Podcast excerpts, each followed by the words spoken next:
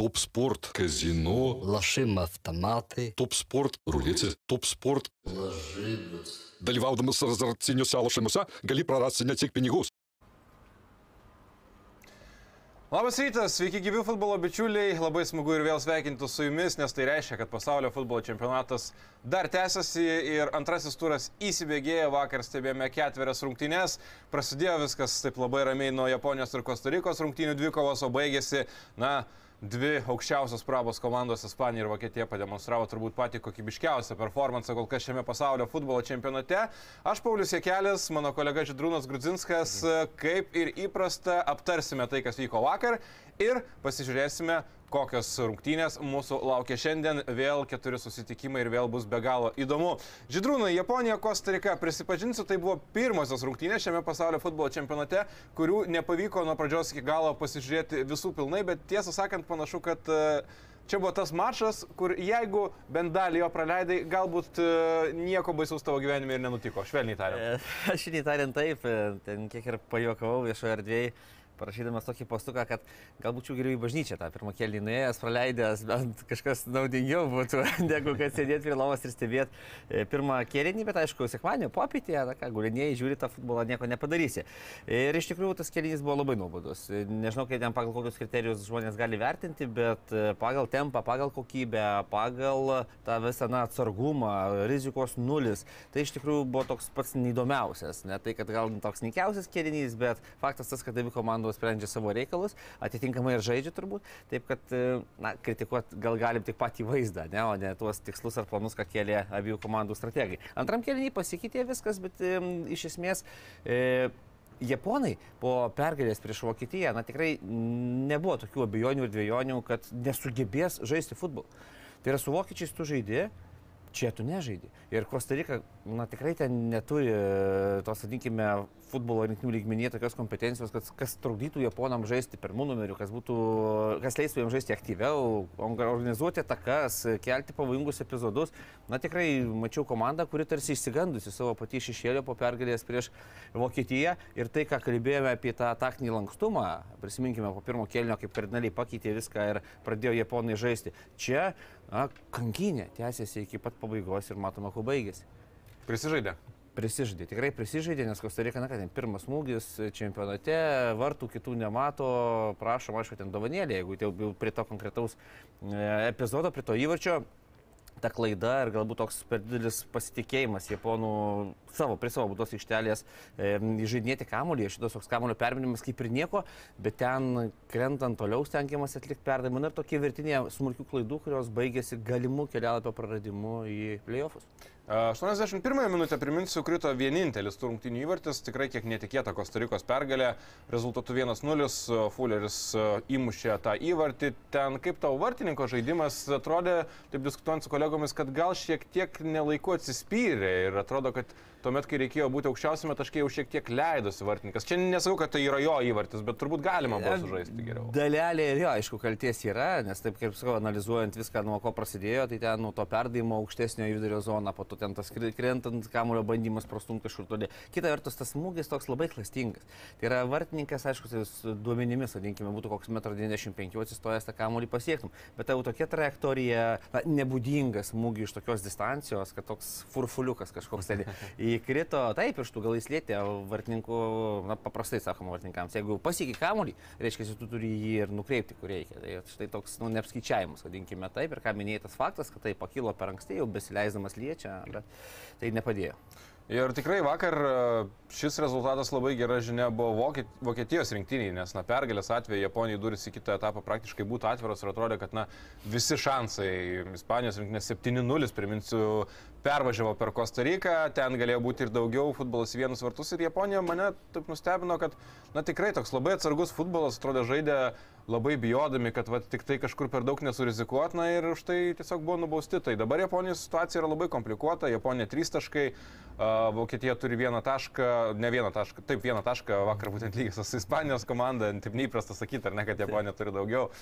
Kostarika irgi turi 3 taškus ir tiesą sakant, tai palieka labai gerus šansus vokiečiams žengti tolyn. Tiek turbūt apie šias rungtynės, manau, kad daugiau laiko skirsime kitiems mačams.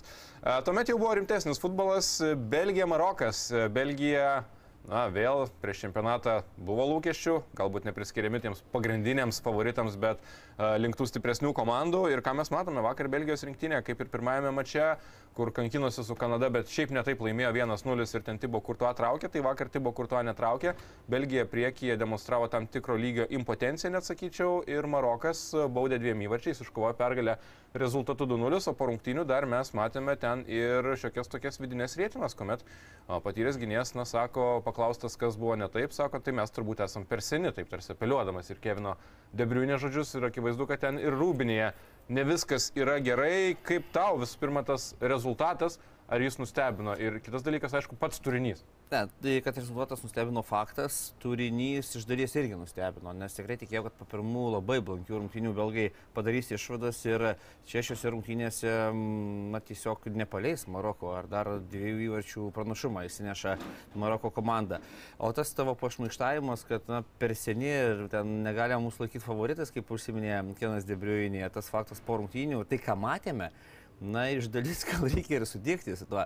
Tempo nėra, dinamikos nėra, agresijos nėra. Tai yra šiuolaikinėme futbole tik su meistriškumu tu nenuvažiuosi toli.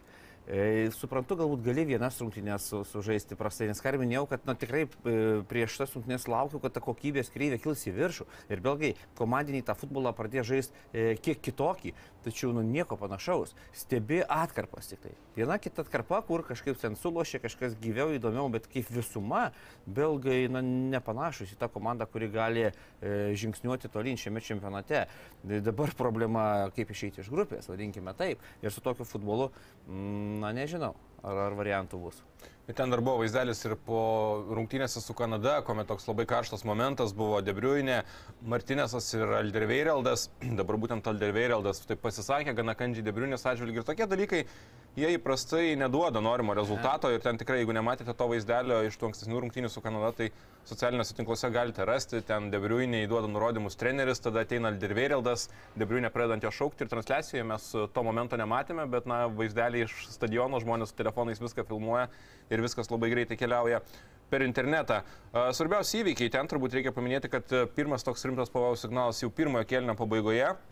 Standartinė situacija, Ziešas įmušė įvartį, bet labai teisingai buvo fiksuojama nuošalė, nes žaidėjas, kuris buvo nuošalėje, taip kamulio nelėtė, bet jis trukdė uh, visą tą situaciją matyti vartininkų ir taip toliau, tai ten abejonių nebuvo, bet taip. kas patiko, kad teisėjas nuėjo prie ekrano ir pasižiūrėjo dar kartelį tam, kad įstikintų, nes ne kiekvieną kartą tą, pasi, tą pasyvę nuošalį reikia fiksuoti, nes būna situacijų, kur jau traktuojama, kad na, jokios įtakos žaidimui tai nedaro, nes vartininkas ten jau arba guli kažkur kampe ir panašiai.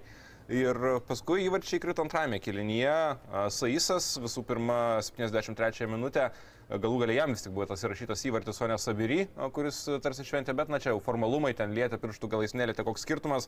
Ir 92 minutę per pridėtą laiką Abu Klalas, žaidėjas, kurio kažkaip man sunku tą pavardę įsiminti, jis po keitimo pasirodė aikštėje, įmušė įvartį 2-0, galbūt apie ne tiek apie patį žaidimo planą, bet apie futbolininkus, kurie tau įsiminė vakar, nes, na, Kevinas Debriuinė, eilinis prastas mačas, ten net buvo skaičiuojama, kad e, per du susitikimus Debriuinė prarado 27 kamuolius, kas na tokio lygio žaidėjai, tai yra, na, ne tai, kad neįprasta, tai yra jau atrodo, kad kažkas labai blogai vyksta. Statulėlės negavo geriausio žaidėjo. Vakar negavo.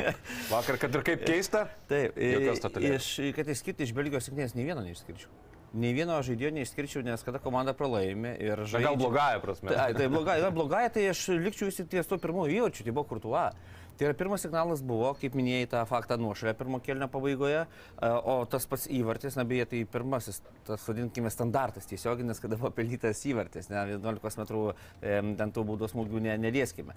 Taip, kad tai kamuolys krieja iš aštraus kampo į tavo vartų plotą, krenta kažkaip po pažastim, praleidžia kamuolį ir tokiuose rungtynėse e, ir kalbėjo po rungtynių, kad mes, na, ta prasme, subirėjome po, po šito praleisto įvarčio, ar nes manau, kad viską teisingai išsakė, bet Tibo Kurta turi gaudyti tokius kamuolius kamuolius. Ar ten trukdo, netrukdo, kažkas bėga, nebėga, bet privalai gaudyti, tu viską matai. Šalia nėra žmogaus, na, aišku, kitas variantas galima statyti žmogų arčiau, ne, prie virpsto, bet ten tada, na, įbėgimo tas, vadinkime, visas plotas atsiveria e, Maroko futbolininkam. Taip pat viskas gerai pagal kamuolio liniją sustoja visą liniją, bet tokį kamuolį, nu, privalo tokį lygio vartininkas gaudyti. Taip kad praleidai 0-1, tie visi barniai, mikroklimatas ne pats geriausias, net nebejoju.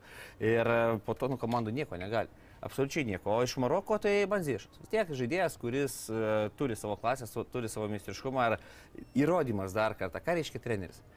Buvo anksčiau, Ziešo nėra. Baigė karjerą rinktinėje viskas. Taip, jau... o dabar grįžo, ką, naujas žaidėjas, kažkas stebuklingo. Ne, jis toks ir buvo, toks ir yra. Ir komandai yra labai svari paspirtis ir Ziešo kokybiškas žaidimas, visi sprendimai ir tas perdavimas e, antrasis, na, prie antro įvarčio, tai parodo jo klasę.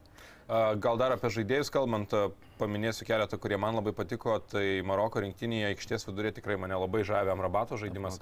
Kiek daug darbo jis atlieka tiek gynyboje, tiek ryšant besiginančius ir atakuojančius žaidėjus. Ir vakar vėl daugybė perimtų kamuolių. Vienas geriausių futbolininkų aikštėje labai svarbus yra šio Fiorentino saugo vaidmo Maroko rinktinėje. Ziešas, aišku, buvo fantastiškas ir kas dar įdomu, tai kad Hakimiai jis uh, Buvo pakeistas tokia smulki trumelė, mes jau transliacijos metu spėliojame, kad turbūt tai bus trumelė, paskui taip ir pasitvirtino, tarsi ji nėra rimta, bet, na, Atala, žaidėjas iš Kasablankos Vidado eina į aikštę, antras rungtynės išėlės, prieš tai Mazurui keitė pirmajame mače, dabar e, į aikštę vietoje Hakimi ir vėl vaizdo ne tik tai, kad negadino, bet dar ir uždirbo standartą, po kurio ten krito įvartis. Tai ir keitimai šiuo atveju ir nelabai pasiteisino.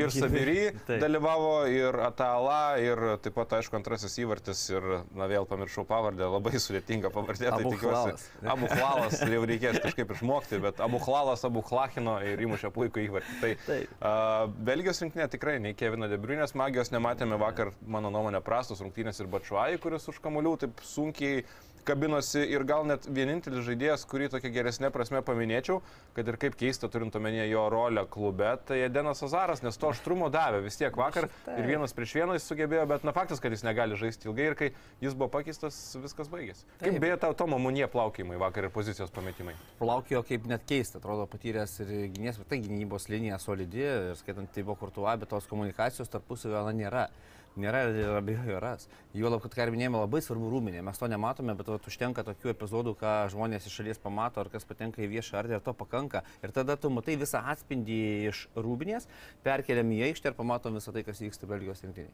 Tik priminsiu, šioje grupėje, aišku, mes kalbėsime dar apie ir Kroatų pasirodymą, ir Kanados rungtynės, bet e, situacija tokia, kad e, Kroatijos ir Maroko rinktinės turi po keturis taškus. E, Belgija tris, Kanados rinktinė taškų neturi, Kanada liks už brūkšnio, tai jau yra aišku, bet uh, Belgijos rinktinė yra labai reali tikimybė, kad gali neišeiti iš šios grupės. Ir tai irgi būtų viena iš čempionato staigmenų. E, trečiosios vakarinos rungtynės, e, kaip tik e, šioje grupėje, Kroatijos ir Kanados akistata. Ir čia prieš rungtynės buvo toks papildomas aptarimas. Džonas Herdmanas po pirmojo mačo, taip kalbėdamas labai emocingai, pasakė, kad na, neminėsiu to žodžio, kurį jis panaudojo, nes e, galbūt net ir YouTube platformoje nebūtų labai gerai, bet žodžiu, jis taip pasakė gana grubiai, kad mes padėsime juos į vietą, mes juos įveiksime ir susitvarkysime su, su Kroatijos rinktinė ir atrodė, kad pačioje pradžioje, gal taip ir bus, antroji minutė, puikus perdavimas iš krašto, galvo muša Alfonso Deivisas 1-0, Kanada pirmauja, bet paskui viskas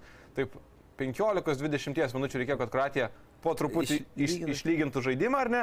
Na ir paskui jau mes matėme tą tokį masterclassą iš tų visų meistrų - Brozovičių, Kovačičių, Modričių ir taip toliau. Prisimink, vakar kalbėjome, ko galima laukti šių rungtynių, tai yra tos trijulės, vadinkime, žaidimo kontrolės aikštės įdurė, kas buvo labai svarbu, ir būtent žaidimas aikštės įdurė, po to visi perdavimai į kraštus ir atakos, ir per vidurio zoną, ir per kraštus tikrai veikia. Na, grįžtant prie to pirmo įvačio, kaip minėjai, e, man labiau užkrito galbūt dar, e, vadinkime, toks, na, neįimas į rungtynės gynėjų grandies. Nes e, jūs komentuodami, komentuojate, man atrodo, šias rungtynės. Taip, vakar tris. Tai akcenta, akcentavot būtent ataką pačią, ne, kaip kamuolys e, buvo išmuštas, jo, kai, kai Larinas. Larinas, o kodėl jis prieimė kamuolį, niekam nekilo klausimų, nes e, Lovrenas buvo visiškai šalia Ir Larina paleido labai ramiai primti kamuolį. Pažiūrėkime, jis be jokio pasipriešinimo, ilgas kamuolys yra laikas. Laikas, kur skrenda kamuolys, reikalingas gynėjui vertinti situaciją, ką daryti. Ar eit su polėjų į dvikovą, ar tiesiog jeigu matai, kad vėluoji palikti ramybėje, lai priima ir sukasi. Tai va čia tas lai priima ir sukasi buvo klaida. Nes kamuolys ilgai skrieja ir Lovrinas galėjo ramiai įti kontaktą. Jis ten nepamatė, iš po nugaros jam išbėgo, po to nutarė nebėgti jau ir prašome, ar ataka nuvilnijo tokia gynėjas eik į kontaktą, eik į aukštą kamuolį, kovok nieko nebus. O dabar viskas tarsi paprasta, prieimė kamuolį, perdamas į krašto, dar reikia atkreipti Alfonso Deiviso bėgimą, kada jis pradėjo. Risnoja, risnoja, pakėlė galvą, pamatė ir po to toks spurtas greitesnis, na prasme, pabėgimas. Ir viskas, ir ten jau sugaudyti, kaip ir dengia gerai, tarsi atrodo, na, kontroliuoja situaciją, bet kada sportuoja tokį greitį turintis žaidėjas ir kai idealia trajektorija skrieja kamuolys, jisai iššoka į viršų, a ten... Ten matėm, ir dar matėm, bandė dar korpusų kažką ten kabins, tum, bet nu kur. Ten jau be šansų buvo ir Plaktukų, cakt ir, ir. Tai štai tokia pradžia ir atrodė, kad e, išsipildys Persičiaus, e, vadinkime, tokios niūrios prognozės, kalbant apie tai, kad prieš šimtinės minėjo, kad Kanada, na, mus nustebino tuo greitumu, ne, atletiškumu, fiziškumu ir tuo aukštu presingu, bet po to, ką ir minėjome, ta kokybė išties viduryje sutvarkė viską. Nes e, taip stebi rungtynes ir mes akcentuojame tą fizinį parengtumą komandos. Daug bėga, daug kovoja. Bėg kiek nori. Jeigu kamuolys juda tarp zonų laikų. Kamuolys vis tiek judės greičiau nei- Apie ką aš neka. Ir tu darai pirmą sprendimą, tai yra pats atsidengi, priimi kamuolį. Ta visa, e, kai aš sakau, ta tokia mozaika aikštėje, žaidėjai įsidės labai gerai tais trikampiais sudinamis. Tas kamuoliukas juda ir tu bėgi kur nori, tu ne, netimsi kamuolio. Taip liaudiškai tariant, lakstysi be kamuolio ir būsi kaip be galvos aikštėje. Tai va tą ir pamatėme, kad daug entuzijazmo, daug norų, daug kovingumo ir kuo po to viskas baigėsi. Vienas įvartis, antras, trečiam keliniai viskas ir padangos nuleistos ir bėg kur nori, bet nėra kur. Uh, Bukenanas ten, aišku, gerą perdavimą atliko Alfonso Deivisui ir tikrai pradžia buvo nebloga, paskui buvo dar keli tokie pavojingi prieimai prie Kroatijos vartų, bet a, tai, ką Židrūnas ir minėjo, na tikrai fantastiškas vidurio saugų žaidimas. Jeigu pirmajame mače tikrai strigo ir nematėme tokio gero žaidimo Kroatijos rinktinės aikštės viduryje, tai vakar, na tikrai tas kamulio skirstimas, žaidimo kontrolė buvo puikiai ir ką turbūt reikia minėti, kad ne tik vidurio saugai savo darbą atliko, bet ir atakuojantys žaidėjai, tai yra ir Perišičius savo krašte, ir Kramaričius, kuris ir krašte priimdavo kamulį, ir kartais atsitraukdavo giliau ir žaisdavo kartais vietomis kaip toks e, tikras devintas numeris. E, Labai patiko Marko Livaja, su kuriuo turėjo galimybę beveik metus laiko dirbti visai neseniai Valdas Dombrauskas, Kuris, kuris minėjo, kad su pačiu geriausiu žaidėju, kiek teko dirbti būtent su Liuvai. Sakė, be konkurencijos, Marko Livaja yra geriausias Ir futbolininkas. su matėme, matėme. Ir, ir tikrai vakar Marko Livaja labai geras rungtynės sužaidė, tai šiaip reikia paminėti, kad žaidėjas, kuriam jau vien buvimas Kroatijos rinktinėje daug reiškia, nes, na, iš Haiduko patekti į Kroatijos rinktinę yra labai sunku. Zagrebo dinamo įprastai kokias 3-4 vietos ten rezervuotos yra, bet iš Haiduko, kad tu patektum, na, tu turi būti ypatingai geras ir dar, kad tu gautum minučių pasaulio čempionate. Vien ką iliustruoja faktas, kad Marko Livaja tapo pirmoju aktyviu splito Haiduk futbolininku, kuris įmušė pasaulio čempionate. Tai yra tuo metu priklausydamas Haidukui, įmušė pasaulio čempionate, na, irgi koks e, pasiekimas. Tai vakar tikrai Kramaričius, Livaja, Peršičius, na, nuostabios rungtynės ir šiam trejetui. Tikrai ir, ir įvarčiai, ir perdavimai, ta prasme, ta priekinė linija visą kokybę perkelė į pačią būdos aikštelę, prie patvartų, tą, ką darė saugai, ką darė, na, iš esmės ir gynėjai, na, nes viskas prasideda irgi nuo pačios, nes abu du krašto gynėjai buvo ganėtinai aktyvūs Kroatijos sėkmės, bet tas užbaigimas, tas ramumas, kad ir paties Livao, tas smūgis prieimė kamuolį, akcentuotas, geras, taip kaip gerai rodo sulėtintą e, vaizdą, tai yra tas vadovėlinis įvartis, kaip, reikia- kaip reikia smūgiuoti į vartus iš tokios e, pozicijos, kaip kūnas, kaip atraminė koja, kaip pėda, ar taip gražiai sulėtintai rodo, ar taip galvoja vaikam, žiūrėk, žiūrėkit ir mokinkitės, kaip reikia tokiuose situacijose spręsti klausimus. Tai čia yra tikras polės, kuris gavęs kamuolį, tai nėra tai vadinkime tokia e, šimtaprocentinė proga. Ne? Taip, 16 metrų, dar yra šalia žaidėjai. Taip, taip, taip, ir jie vardininkas galų gale, ne, užsiemęs poziciją, laukia smūgio, tai yra viską idealiai pataiko pažymė stipriai į kampą, na, išpildymas fantastiškas. Ir e, mes e, su kolega komentuodami rungtynės e, taip kalbėjome, kad viena iš bėdų, kuri galbūt pirmose rungtynėse nebuvo taip ryškiai matoma Kanados rinktinėje, tai yra meistriškumas žaidėjų tarp atakuojančios grandies ir, gynybos. grandies. Jų meistriškumas, jeigu pažiūrėsime ir atstovaujamus klubus, labai skiriasi. Ir vakar turbūt mes pamatėme, kad vis tik gynyboje yra labai daug bėdų, nes polime tarsi ir Alfonso Deivisas, Bukenanas, Davidas, jie visi atitinka labai aukšto lygio standartus. Gynėjai turbūt tų standartų vietomis netitinka.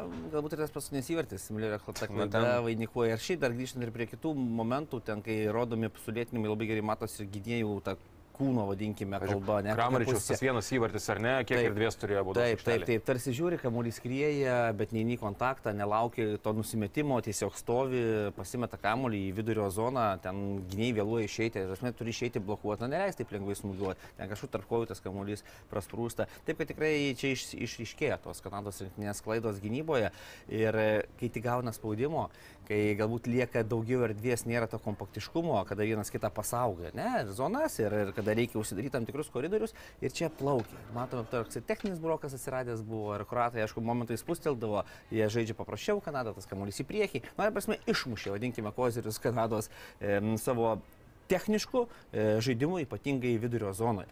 Yra trejulė, ką minėjome, kraštai tikrai labai aktyvūs, kokybė buvo, kamuoliai užsilaikydavo ir Kanada nieko negalėjo padaryti. Ir e, šiandien ryte dar teko kaip tik paskaityti, ką kalba dabar Kroatijos futbolininkai po rungtynių.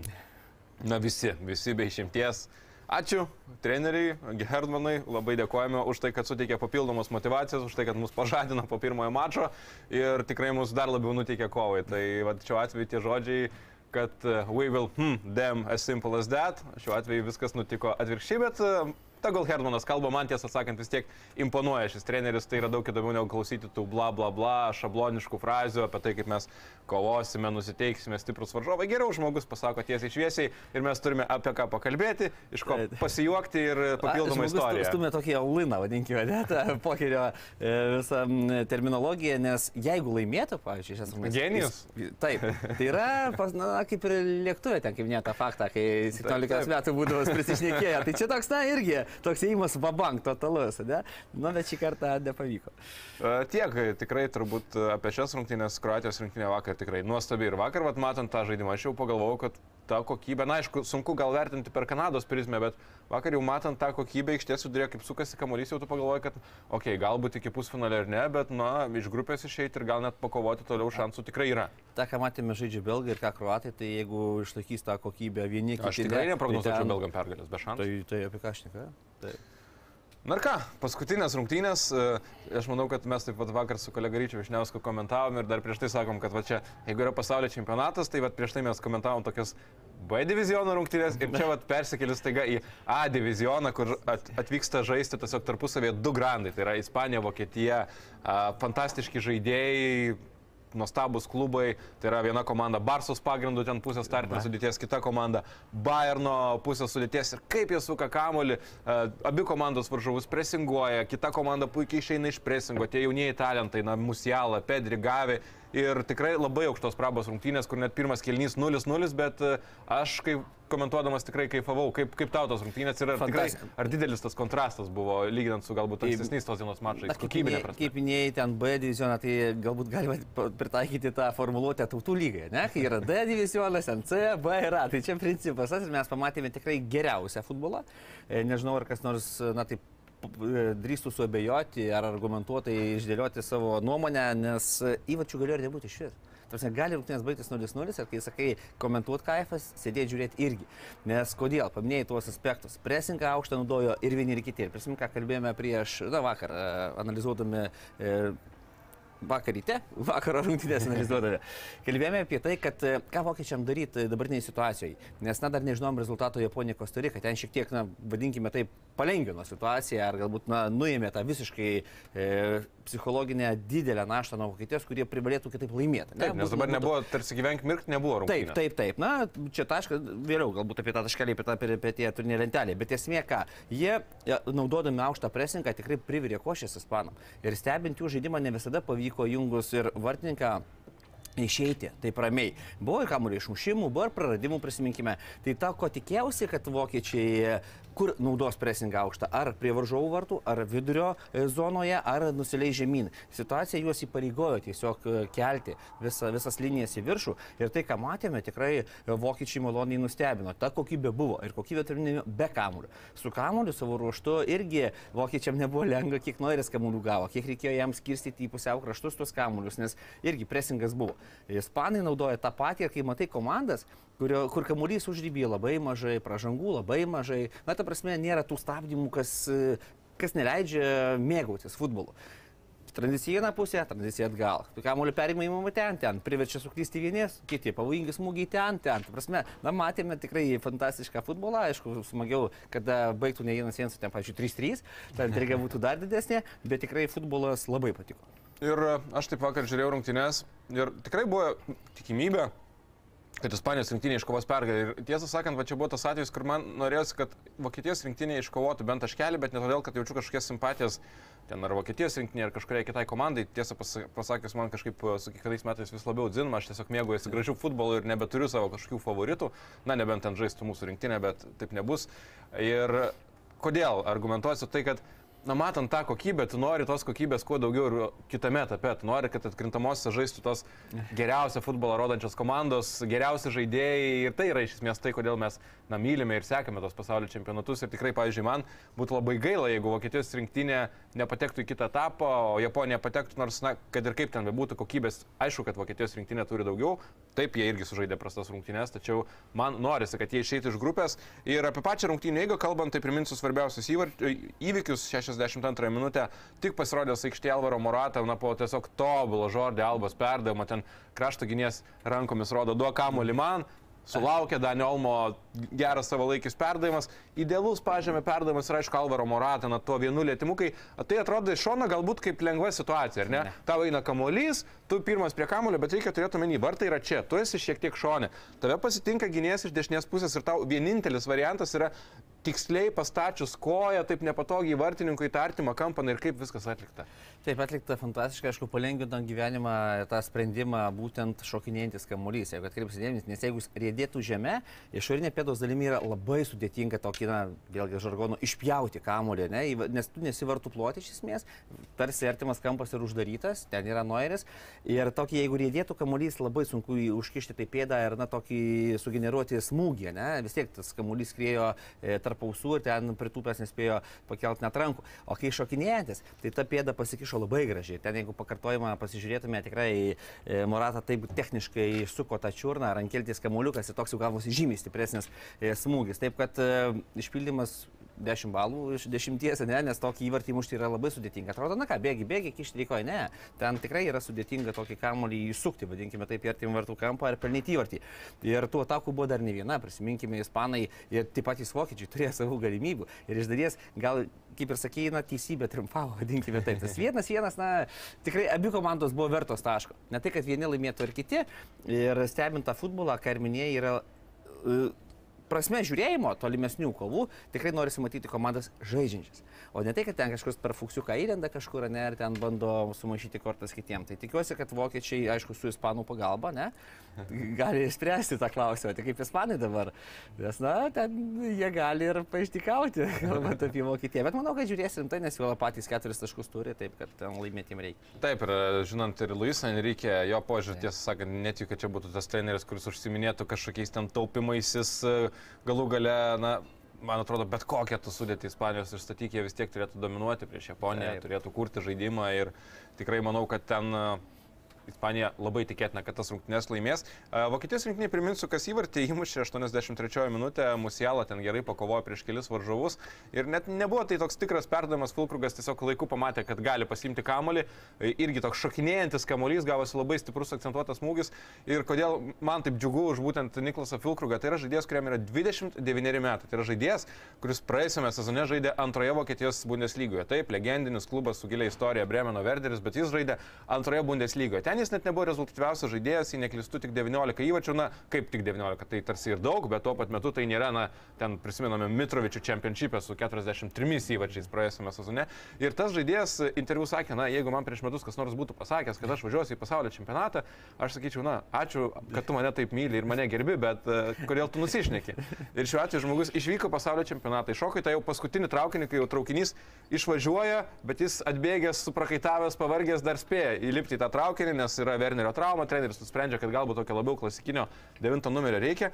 Prašau, komandai degas vyla padai, išleidžiamas į aikštę ir ką mes matėme jau prieš tą įvartį, trys epizodai, kuomet Fulkrugas vieną kartą Musielą net liko perdavimo, kai ten prašėsi, po kampinio pavojinga situacija ir paskui dar vienas smūgis. Tai reiškia, kad tai nebuvo pirmas momentas, kuris gavo kamuolį ir įmušė, o žaidėjas labai aktyviai įsilėjo žaidimą ir, na, tokia irgi puikia istorija ir turbūt aukščiausia klasė būtent finishingo parodė tame Be epizode. jokios abejonės, tai, na, prabudins, manau, Vokietija prieš paskutinėsias e, grupių rungtynės ir tas įvartis yra labai labai svarbus. Na, kalbėkime, tai vos ne auksinis šiame etape, ne?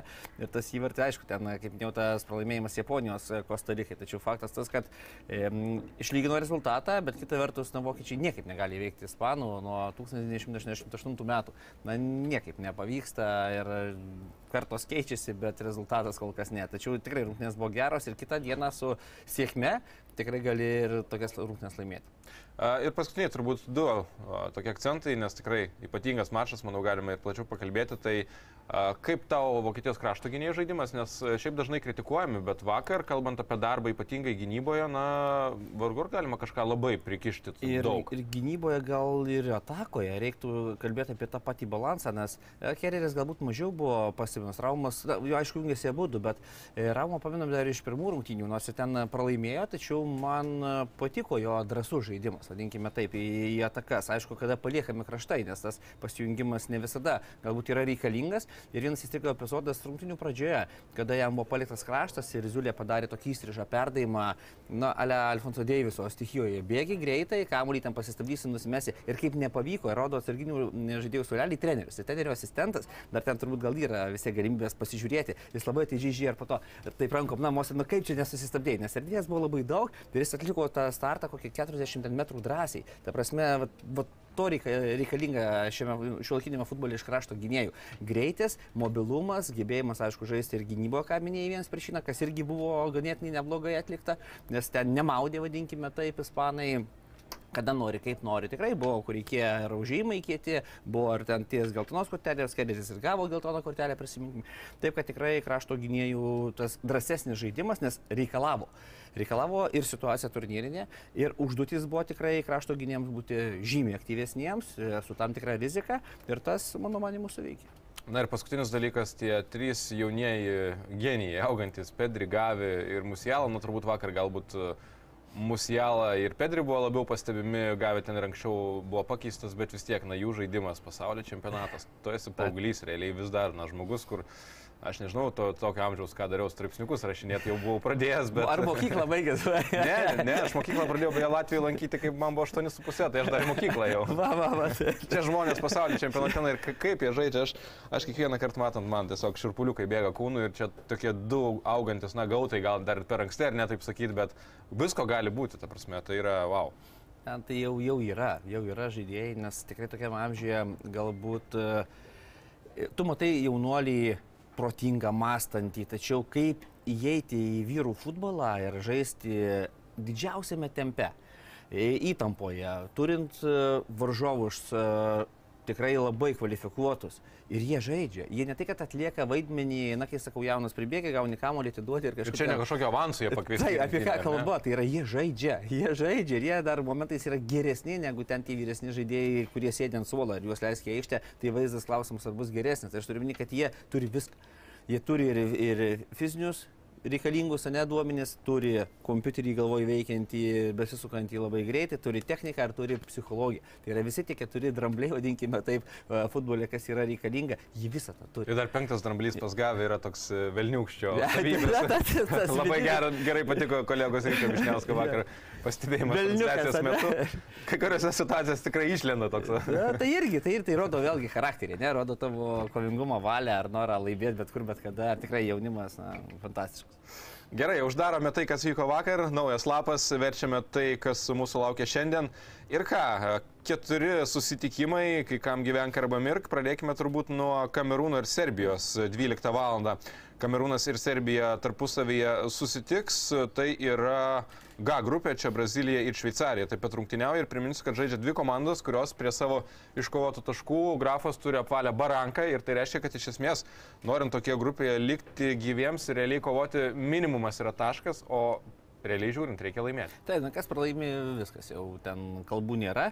Taip, kad uh, vertinti, kas ir kaip tame kontekste, kaip matėme prieš Brazilus, kai žaidė Serbą ar Kamerūno Šveicarai, tai tikrai, na, sunku galbūt įvertinti komandą, kuri, na, pajėgesnė, vadinkime taip, arba kuri gali e, žaisti, na, tokį jau suplanuotą futbolą. Ne, ateisiu, diktuosiu savo madas ir laimėsiu rungtynės. Taip nebus. Serbai iš vienos pusės ten e, besigindami prieš Brazilus dabar tikrai tokio futbolo nežaisų Kamerūnų, tai vėlgi sunku įvertinti, kaip jie kurs, kaip, kaip jie kursis momentus. Kamerūnas savo ruoštų irgi, na, ką su šveicarai žaidė, ką dabar čia žais. Vėlgi, tas futbolas gali būti, vadinkime, toks kelių rūšių, ne? Tai gynybinis, a, ten labiau atsargesnis šiek tiek, arba atakuojantis, taip kad manau, kad ten tikrai pirmas, pavyzdžiui, kernys, įsivaizduoju, kad nebus toks labai kažkoks kaip Vokietija, Ispanija, ne? Taigi, na, toks... Irgi 0-0 tik kitoks. Taip, tik kitoks, taip, būtent. Tik, na, norisi, kad ne Japonija su Kastarika, ne, norisi šiek tiek kokybės. Ir manau, ta kokybė bus. Nes žaidėjų yra gerų, taip kad ten lauksim to futbolo, kuris leis vienai komandai dar saugoti viltis. Ir, pavyzdžiui, vat, tarsi reikėtų net pergalės šiose rungtynėse, bet Kamerūną komentuojant su Šveicarija, tai kas krito akis, kad kol rezultatas buvo 0-0, Kamerūnas e, išbėgdavo ir į atakas ir tokių matęs, kad gana pavojinga komanda, bet kai jie praleido įvartį ir kai jiems reikėjo eiti prieki, na, apsaugok futbolo viešpatė. Ten tiesiog nulis kreatyvo, nulis minties ir prisimenu, ten pridėjo berots 6 ar 7 minutės, na, jie nieko, jie jau, jau supranta, kad jie jau pralaimėjo ir tiesiog laukia pabaigos. Tai vat, labai įdomu bus pasižiūrėti ir tą pačią Serbijos rinktinę, kuri irgi pirmajame mače kreatyvo nerodė, bet aišku, vienas dalykas yra žaisti su Šveicarija, kitas dalykas yra žaisti su Brazilija. Taip kad bus įdomu, nes toks žudbutinis mačas ir vieniems, ir kitiems, ir tokios rungtynės, kur ant kortos pasakyta daug, jos būna labai įdomios, bet ne visada labai gražios. Taip. Kitas mačas - Pietų Koreja ir Gana susitiks tarpusavyje. Dar vienas įdomus susitikimas, čia primenu grupėje taip pat Portugalija ir Urugvajus. Ir Portugalija turi 3 taškus, Urugvajus ir Pietų Koreja turi po tašką. Gana taškų neturi ir pirmajame turė ten nedaug trūko, kad Gana išsigelbėtų prieš Portugaliją, jeigu tas kuriozinis momentas būtų pasibaigęs įvarčių gale. Ir tikrai davė bent jau kovą Portugalams, nuo to tarpu Pietų Koreja daugelį nustebino, nes prieš Urugvajų sužaidė lygiosiamis, žaidė ne taip ir blogai. Taip. Kaip šios rungtynės tavo akimis klostysis gali? O, nesunku dabar įvardinti galima vėlgi scenarijų, tai paprastai, nes nu, turnyrinė lentelė vėl įpareigoja Naganą, kaip ir na, tas taškas dar, dar, dar paliktų teorinių galimybių, bet kaip ir minėjome, mes žiūrime per tą prizmę, ką mes matėm. Tai su Portugalais rungtynės pasirodo, jie gali reikalą esant ir pagreitinti, ir pelnyti įvarčius, ir būti aštrus.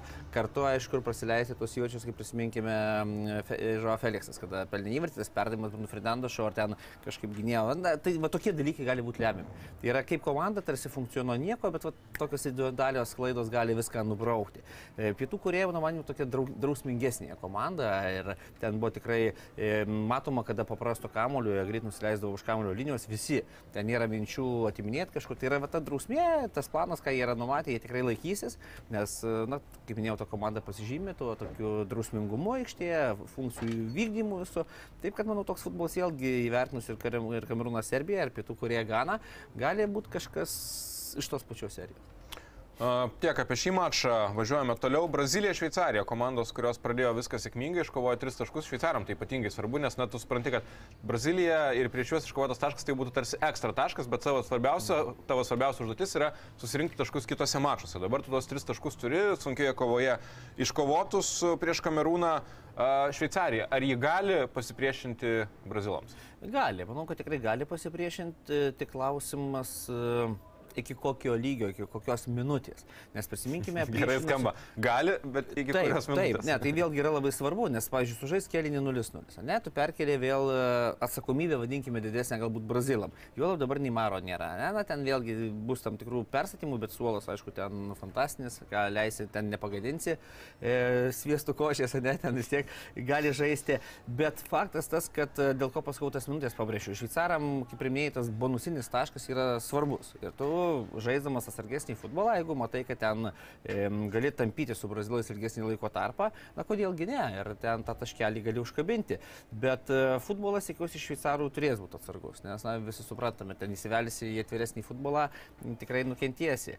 Tai taip, kad, aišku, brazilam atiduokime pranašumą tą, vadinkime, ir galima pergalę, bet šveicarai, mano manimu, jeigu drausmingai sužais, e, ta jų kvalifikacija šiek tiek kaip komandinėme futbole besignant yra aukštesnė negu serbų. Nu, brazilų vėlgi kontekste sakau. Ir tada pasižiūrėsime, kaip šveicarai. Ar sugebės, pavyzdžiui, žemas gynybinis blokas suveikti žymiai geriau negu serbų. E, serbai irgi valandą atsilaikė ir turėjo Brazilijos rinktinė ir komentuojant tai minėjome, kad tikrai turėjo problemų, nebuvo lengva, bet čia vat, žaidžiant su tokia komanda kaip Brazilija ir yra ta problema. Jeigu tu praleidi įvartį, uh, Nedaug dievė praleidė antrą, na viskas. Tada Tada. prasideda jau nebe futbolas, prasideda toks samba šokiai su kamuoliu, Richarlisonu. Patyčios. Na taip, ir tu, tu patenki po to volų, kur, na, serbams dar viskas taip neblogai baigėsi, nes jie galėjo ir daugiau, aišku, praleisti. Ir aš, tiesą sakant, manau, kad šveicarai kažkur šioje kategorijoje labai panašus irgi turi gintis, klampiai stengtis nepraleisti greitų įvarčių ir jeigu pradės nervuotis jau ten Brazilija, tuomet tu kažkur savo šancelį turi, bet jeigu praleisi vieną ir ypatingai antrą įvartį, tuomet viskas baigsis ir klausimas, kiek tu praleisi dar. Ir Neimaras, Židrūnas, ką paminėjo, tai uh, ne, neišsigaskite, jis na, jeigu Brazilija išeis iš grupės, jis žais atkrintamosios, toks buvo klubo, ne klubo, o rinktinės pranešimas, bet grupių turnyrė jo nebus. Šiek tiek gaila, nes žmogus atėjęs į čempionatą su neįtikėtinai gera forma, o čia vėl matėme, kaip atrodo jo čiurna. Uh, galima kažkur kalbėti, kad taip, kartais šiek tiek kaltas perlaiko kamolį, bet kita vertus dėl to mes ir mylime Neimarą, kad jis ima kamolį, kūrė šau ir demonstruoja kamolio valdymą. Na ir vakaro desertas Portugalija, Urugvajus labai įdomios rungtynės, jau kalbėjau apie situaciją šioje grupėje, Urugvajus sužaidė lygiosiamis Portugalija nelengvai, bet rungtynės laimėjo ir laimėjo pelnytai. Ko tu lauki šio susitikimo, ypatingai vertinant tą, tą vaizdą, kurį iš komandų matėjai pirmajame susitikime? E, Iš, gal aukščiau kartelę norėčiau, kad pakeltų Urugvajus e, futbolininkai, nes tos rungtynės su Pietų Koreja, na tokios, tas ste- stebėjimo prasme, na gali ten kaip teneris ieškoti tam tikrų futbolo, ne, perliukų niuansų, bet kaip iš žiūrovo pusės žiūrint, tai norisi to Urugvajų šiek tiek ir atviresnio, ir aktyvesnio, ir mobilesnio, ir kartu agresyvesnio, nes tos agresijos reiks su portugalais. O iš portugalų tai man vėlgi kelia nerima jų gynyba, ne, kaip kalbėjome apie tuos du praleistus įvačius, apie dar porą progų. Tai jeigu Urugvajus sugebės, o priekinė linija tikrai, vadinkime, kvalifikacija, kompetencija geresnė negu, negu Ganos, tai Urugvajus, na, kodėlgi nepaieškojus e, tų įvarčių ir galimų taškų. Taip, kad tikrai taip drąsiai, jeigu reiktų sakyti, ar Portugalai laimės, ar tai lengvai, tai manau, kad ne. Tikrai lengva nebus ir dar atviras klausimas dėl galimosių pergalės. O dėl žaidimo stiliaus, kokios tai bus rungtynės, ar labiau gynybinio atsargaus plano, ar vis tik turint omenyje, kad abi komandos tikrai turi kokybės. Na, Portugalijos rungtynė šiaip ant popieriaus labai gera. Urugvajus irgi turi žaidėjų galinčių kurti. Tai kaip tu įsivaizduoji pačią O rungtynę? kada mes matėm portugalus atsitraukusius ir besiginančius žaidžius be kamuolio? Nu, taip nebus. Jie vis tiek turės kamuolį turėti, tai reiškia, jie stengsis dominuoti, jie žais pozicinėme futbole ilgiau su kamuoliu, tai atitinkamų Urugvajus. Jeigu nematysime panašių vaizdų, ką matėme vakar, kaip pavyzdys iš karto pradėjo vokiečiai, ne? tai jiem reikėjo aukštas presingas ir taip toliau. Taip pat Urugvajus aš nemanau, kad ten mesis į avantūrą iš karto, nes kaip bebūtų tas taškas e, vis yra taškas, o čia e, užkabink dar antrą tašką arba na, pralaimėk bent jau minimaliai, ne, kas vėlgi yra svarbu, jeigu ten skaičiuokim taškus e, po pergalės pasniame turė. Taip kad, e, manau, matysime tikrai iš Urugvajaus pusės atsargesnį futbolą, o portugalai žais e, ne tai, kad ten lieks į priekį ir stengsis bombarduoti, kiek ten nori ir kiek gali, manau ne, bet atakoje jie tikrai bus aštresni.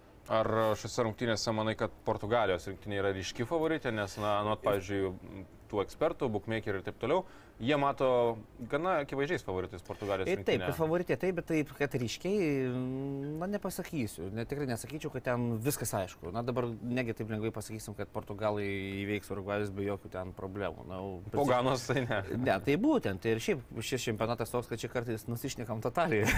Tai mūsų tokie, toks darbas. Taip, taip, būtent. Atrodo, pavardės, e, šalys, rinktinės pasiekimai, tas, tas ateina pirmas, antras turas, pamatai, kad čia viskas apsiverčia aukštinkojomis. Taip, kad tikrai portugalai pajėgesni, kalbos nėra, bet ar jie laimės lengvai, ar apskaitai laimės, šie klausimas atviras. Ir paskutinis klausimas, ką parodys Krištiano Ronaldo.